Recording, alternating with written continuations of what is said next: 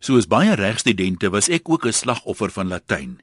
Destyds kon jy nie graad vang sonder Latyn nie en ek was sonder Latyn vandag nog. Die probleem met Latyn is dat dit byna onmoontlik is om die eksamen te raai.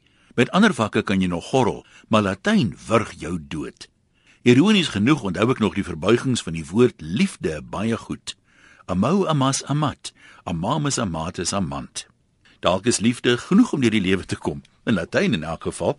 Ek het beter gevaar met rugby, maar vandag wil ek my beperkte regskennis op rugby toepas en bespiegel oor dolus eventualis.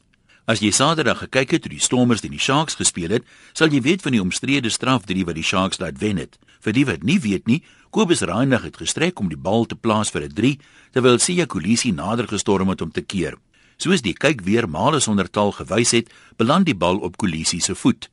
Die TMO Marius Jonker sluit toe aan by die geleedere van omstrede skeieregters soos Bryce Lawrence en beslis Kolisi het die bal uit Reinagh se hande geskop en hy beveel 'n straf 3 aan plus 'n geel kaart vir kolisie vir 'n professional foul. Selfs die Sharks het nie eers daarvoor gehoop nie.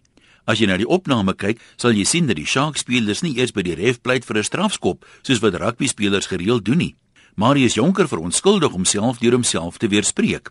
Hy sê die speler se bedoeling is irrelevant en jy kan nie 'n straf 3 toeken as die oortreding nie 'n geel kaart regverdig nie. Talle oud springbokke en internasionale afrigters verskil egter van hom. Dis hier waar my geringe regsagtergrond inkom. In die strafreg is skuld altyd 'n vereiste om skuldig bevind te word. Skuld kan in die vorm van nalatigheid of opset teenwoordig wees. En soos almal na Oscar se saak weet, is daar 'n ding soos dolus eventualis. Nou vra ek jou, hoe kan jy 'n professional foul pleeg sonder skuld? Jy moet mos bedoel om dit te doen. En daai bedoeling kan net opset beteken, al is dit dan in die vorm van dolus eventualis. Die arme Kolisie moet tog sy voet eers neersit.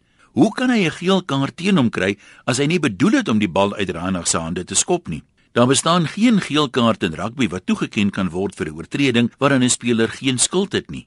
'n Tweede geel kaart in dieselfde wedstryd raak outomaties 'n rooi kaart. Nou volgens Marius Jonker kan 'n speler dus finaal afgestuur word vir bad luck. Sy bedoeling maak mos nie saak nie.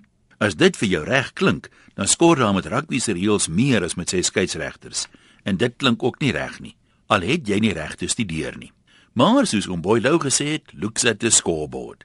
Groete van oor tot oor, ook aan die blinde refs en ondersteuners. Antoniem